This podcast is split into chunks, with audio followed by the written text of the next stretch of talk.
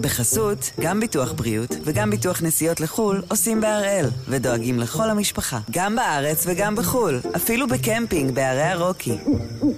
כן, גם שם, כפוף לתנאי הפוליסה וסייגיה ולהנחיות החיתום של החברה.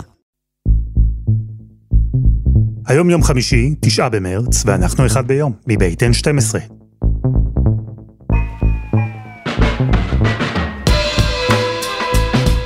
אני אלעד שמחיוף ואנחנו כאן כדי להבין טוב יותר מה קורה סביבנו, סיפור אחד ביום, בכל יום.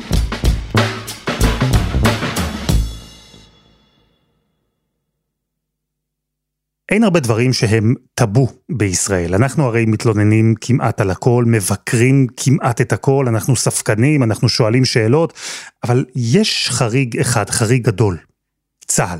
ליתר דיוק, השירות בצה"ל.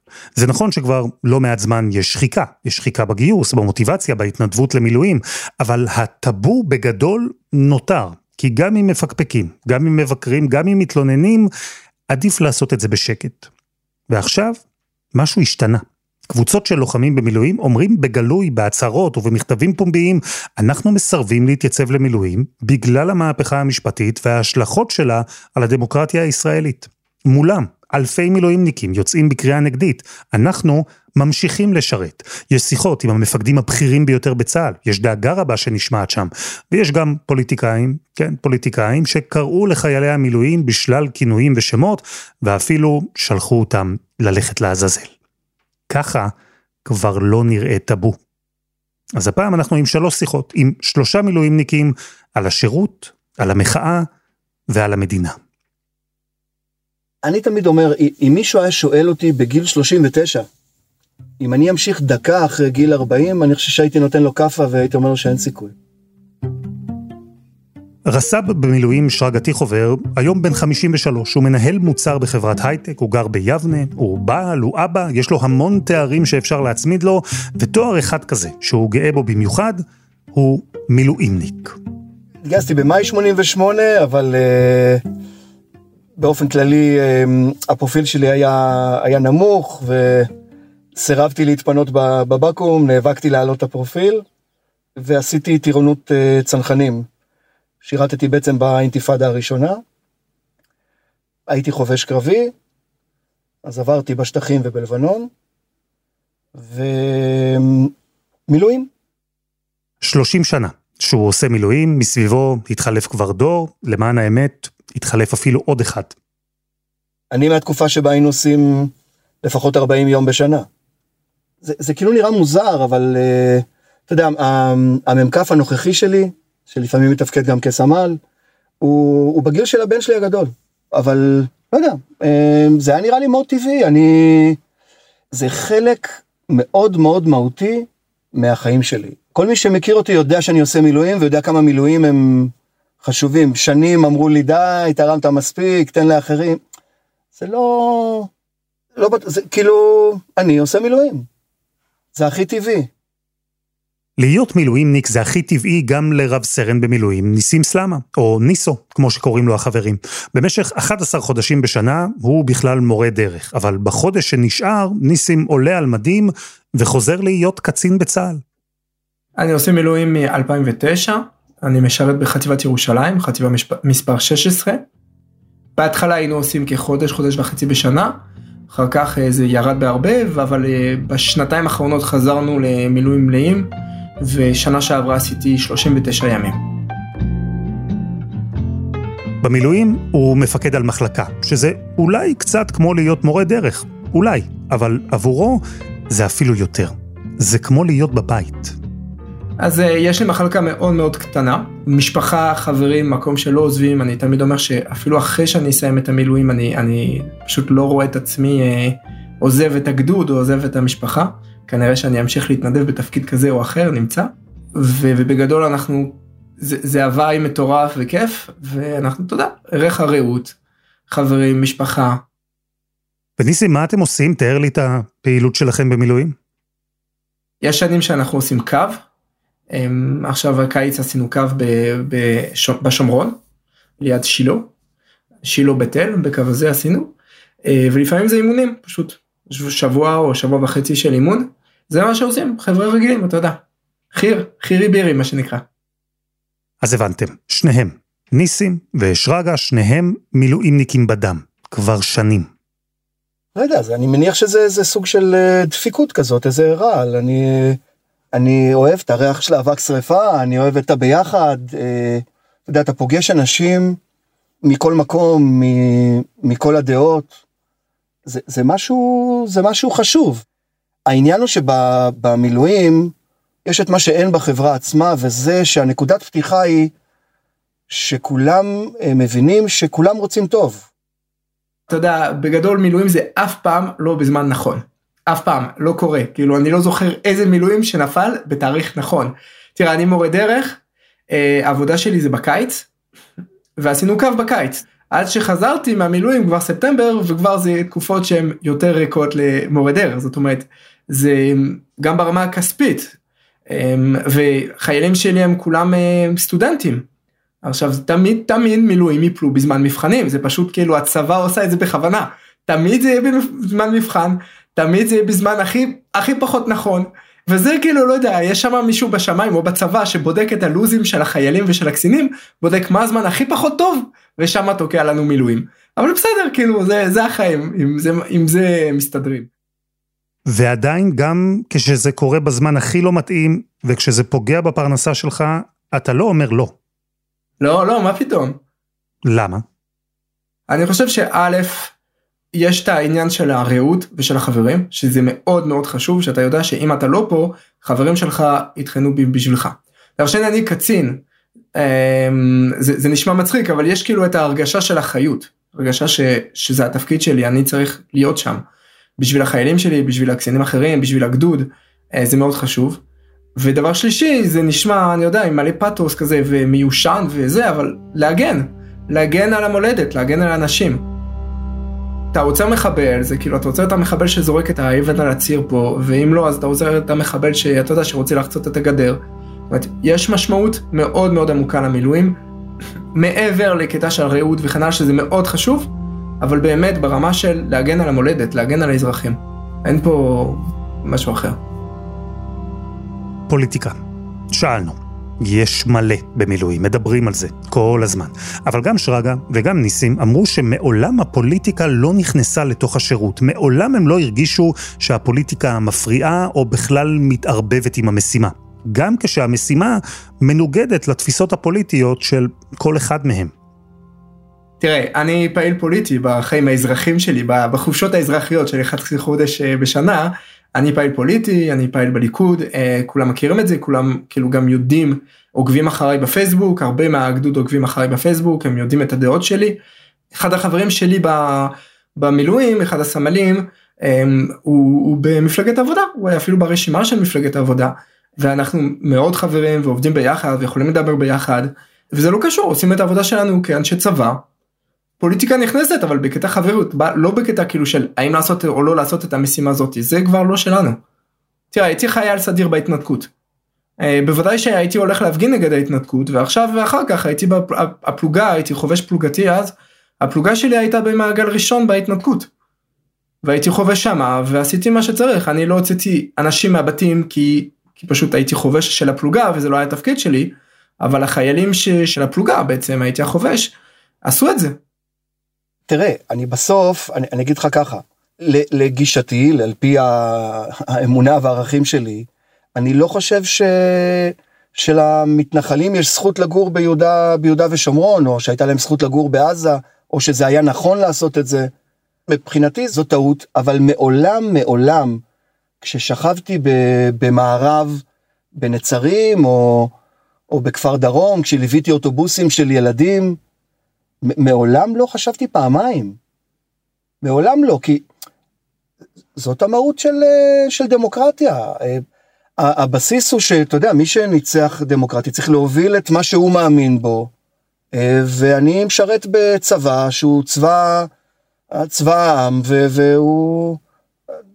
כל עוד אנחנו במגבלות של יהודית ודמוקרטית, אז, אז אני שם, אתה יודע, היה עופרת יצוקה, אני חושב זה היה. אז היו כאלה שהחליטו שאתה יודע, שהם, שהם, שהם, שהם מסרבים, אה, או שהיו כאלה בהתנתקות שסרבו. אני לא, לא ראיתי אה, את עצמי, לא, לא חשבתי שהם עושים צעד נכון למרות שכיבדתי אותם. אני אומר, לשיטתי אנחנו נמצאים פשוט היום במקום אחר לגמרי, הוא לא דומה.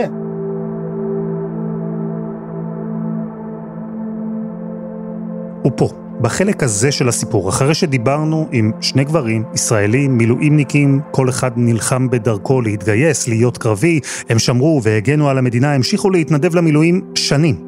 אז פה, בחלק הזה, שרגא וניסים מתפצלים. אבל קודם חסות אחת וממש מיד חוזרים.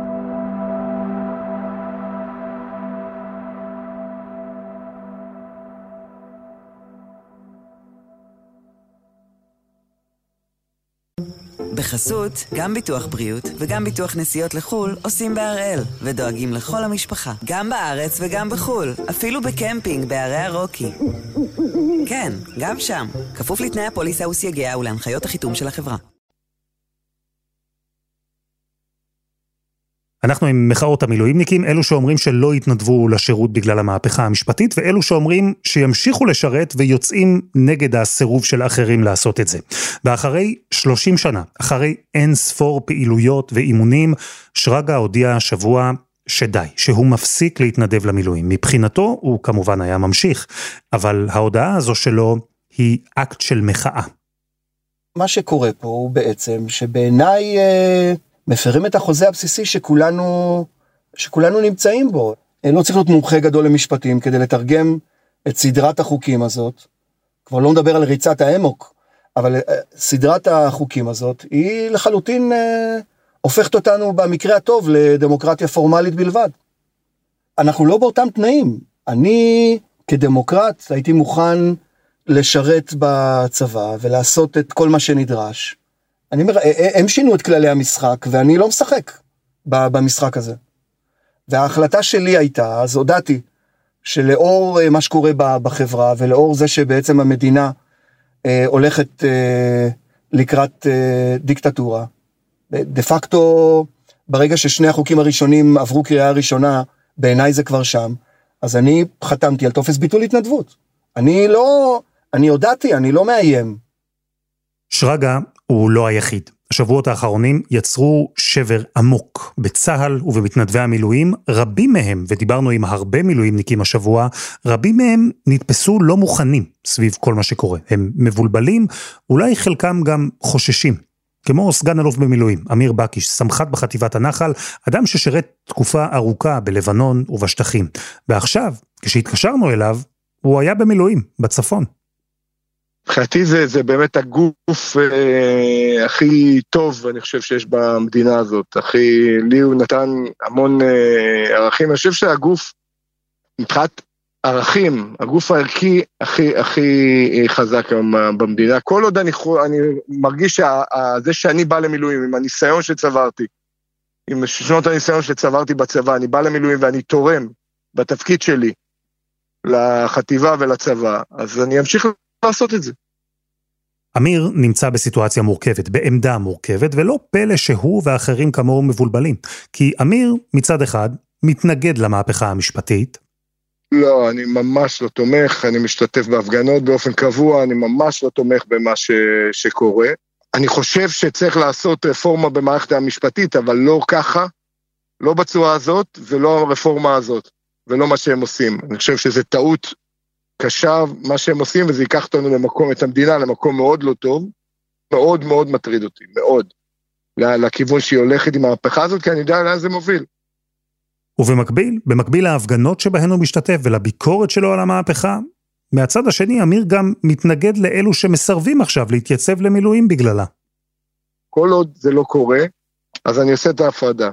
כי אני, אני אומר, בסוף אנחנו מגנים בצבא, בשלב הראשון ההגנה היא לפני אויבים שרוצים להרוג אותנו מבחוץ. אני משרת במילואים כדי להגן על המדינה מפני אויבים שכאלה. אני עוד לא מרגיש שהמדינה הפרה את החוזה, אני עוד לא מרגיש שהמדינה נתנה לי פקודה שאני לא יכול לקיים. אנחנו לא יכולים לוותר עדיין על הזכות הזאת להגן על המדינה, כי ברגע שזה יקרה, המדינה הזאת תתמוטט, כי אנחנו מוקפים באויבים שהם מחכים רק לרגע שזה יקרה. ואני חושב שהמדינה עוד לא הפרה את החוזה. קודם כל אנחנו בקריאה ראשונה של השני חוקים הראשונים מתוך אה, כל השרשרת החקיקה ש... שעוד, אני מקווה שלא תבוא, אבל אם תבוא, ו- ואני חושב שאנחנו עוד לא במצב שאנחנו יכולים לקבל החלטה כזאת. למרות הכיוון שאליו כרגע נראה שהולכת המדינה, אבל היא עוד לא שם. להגיד אני מסרב כי אני חושב שהמדינה תהיה דיקטטורה, אני חושב שזה עדיין לא נכון. אני חושב שהמדינה עוד לא הפרה את החוזה, היא, היא בדרך לשם, ואני מקווה שהיא תעצור, ואני מאמין שהיא תעצור, אבל אני לא יודע, יכול להיות שהיא לא תעצור. אבל אני חושב שאנחנו עדיין לא שם, ולקבל החלטה עכשיו שצופה פני, פני עתיד ולסכן את ביטחון המדינה, בעיניי זה לא הזמן עדיין. עדיין, הוא אומר. זה לא הזמן עדיין. והקבוצה הזו, שאמיר בתוכה, היא אגב לא קטנה. הקבוצה הזו לא אומרת שלא יגיע הרגע שבו היא תסרב להתנדב למילואים, אבל היא כן אומרת שהרגע הזה הוא לא עכשיו. אמיר בדברים שלו בעצם מותח ביקורת על שרגא, אבל לא רק עליו, הוא מותח ביקורת גם על ניסים, ניסו, שאומר שצריך לחלוטין להפריד בין הצבא לבין מה שקורה בכנסת, שתמיד צריך להתייצב ולשרת. תראה, אני חושב עכשיו שמדינת ישראל לא דמוקרטית לפני הרפורמות. זו דעתי, אפשר להתווכח עם דעתי, אבל זה לא העניין. ולמרות שאני חושב שמדינת ישראל לא מדינה דמוקרטית, אני משרת במילואים 14 שנה ושירתי בסדיר יותר מחמש שנים. אז אני מצפה שמי שחושב שהיום אנחנו דמוקרטיה ואחרי הרפורמות לא נהיה דמוקרטיה, שזה מעבר לוויכוח בינינו, שהוא ויכוח חשוב, אני חושב שהוא צריך להמשיך לשרת, כי אתה לא משרת עכשיו משטר כזה או אחר, אתה לא משרת ראש ממשלה כזה או אחר, ואתה לא משרת לא בג"ץ ולא הכנסת. אתה משרת כדי להגן על האזרחים. האויב לא מעניין אותו. מי ש... אם מי שמחליט בסוף זה בג"ץ או ראש הממשלה או השרים או הכנסת, זה פשוט לא מעניין את האויב. האויב רוצה להרוג אותנו, הורג אותנו. איך המשטר שלנו, זה לא מעניין אותו. אני לא פה כדי להגן על משטר מסוים, אני לא פה כדי להגן על ה... אני פה כדי להגן על השכן שלי, אני כדי פה להגן על הבת שלי ועל הבן שלי. אני פה כדי להגן על אשתי, על משפחה, על הבני דודים, ואני יותר מזה, אני פה כדי להגן על כל תושבי מדינת ישראל, דרך אגב, לא רק יהודים. אם אתה מפספס אימון, אתה לא תהיה מוכן עכשיו, כמו שצריך להגן על המולדת, לא להגן על ה... אתה לא מגן על ביבי. אתה מגן עליי. כשאתה מסרב עכשיו לעלות על המטוס, אתה, אתה, זה לא ביבי שאתה מעניש, אתה מעניש אותי. זה קשה לי, אתה יודע, זה גם בדבר הכי בסיסי זה פומו, נכון? כי אתה, כי, כי, כי אתה רגיל לעשות. צריך להיות אימון ב...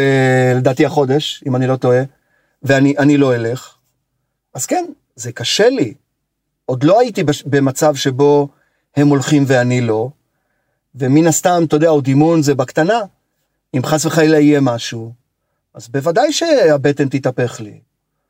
אה, אם חס וחלילה תהיה מלחמה עם, עם חיזבאללה, אז, אז אני מודה שאני אחשוב פעמיים, כן? אבל בוא נראה איך הדברים, אה, איך הדברים מתקדמים. אני, מבחינתי, אה, וזה כואב לי, אני, אני בשבר, אני, אני, אני לא רואה את עצמי הולך וממשיך כשזאת הסיטואציה. אמיר, נדמה לי שצה"ל עכשיו בעצם מתחלק לקבוצות, למחנות, ושהפוליטיקה אה, מחלחלת או אולי בעצם מתפרצת פנימה לתוכו. אתה חושב שהתקופה הזאת תשנה את הצבא, כמו שאתה מכיר אותו כבר כל כך הרבה זמן? את שירות המילואים, כמו שאתה מכיר אותו כבר כל כך הרבה זמן? מתוך היכרות של כל, אתה יודע, מי, מי, כל האלופים, אני חושב, אה, היו מפקדים שלי, או רובם, אני מכיר אותם מהיכרות עמוקה, אני לא רואה את הצבא משתנה בצורה כזאת. אה, אני רוצה לקוות שהמפקדים שלי לא יביאו אותנו למצב שהצבא יהיה שונה במהותו ממה שאני הכרתי ב-34, כמעט 35 שנה מאז שהתגייסתי. אני מאוד מאוד רוצה לקוות. תראה, אני חושב שזה יהיה המצב, אני חושב שבסופו של דבר כן אה, יגיעו להבנות והמצב, וגם אם לא, אני כרגע לא רואה אה, השפעה מיידית על הצבא, וביום שהיא תגיע, אני מקווה מאוד שהיא לא תגיע, כי אני חושב שזה הדבר שזה... זה תחילת הסוף של uh, המדינה המדהימה שהקימו פה, כי אם נגיע למצב שהצבא משתנה, אז uh, שזה, כמו שאמרתי בתחילת השיחה, שזה הגוף, לדעתי, מספר אחד במדינה, ואם נגיע למצב שהגוף הזה ישתנה, אז אנחנו במצב מאוד מאוד מאוד קשה במדינה. הכי קשה זאת אומרת, מצב שמבחינתי אני לא יודע איך, איך קמים ממנו. כן, וזה מטריד אותי, אבל אני, אני אופטימי שלא נגיע לשם.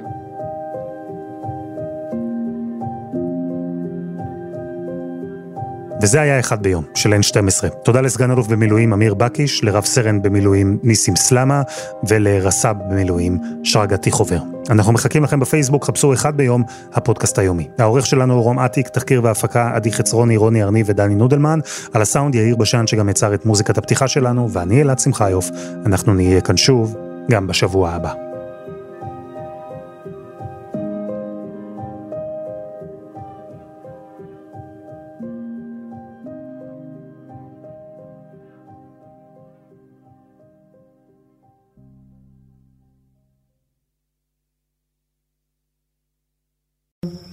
בחסות, גם ביטוח בריאות וגם ביטוח נסיעות לחו"ל עושים בהראל, ודואגים לכל המשפחה, גם בארץ וגם בחו"ל, אפילו בקמפינג בערי הרוקי. כן, גם שם, כפוף לתנאי הפוליסה וסייגיה ולהנחיות החיתום של החברה.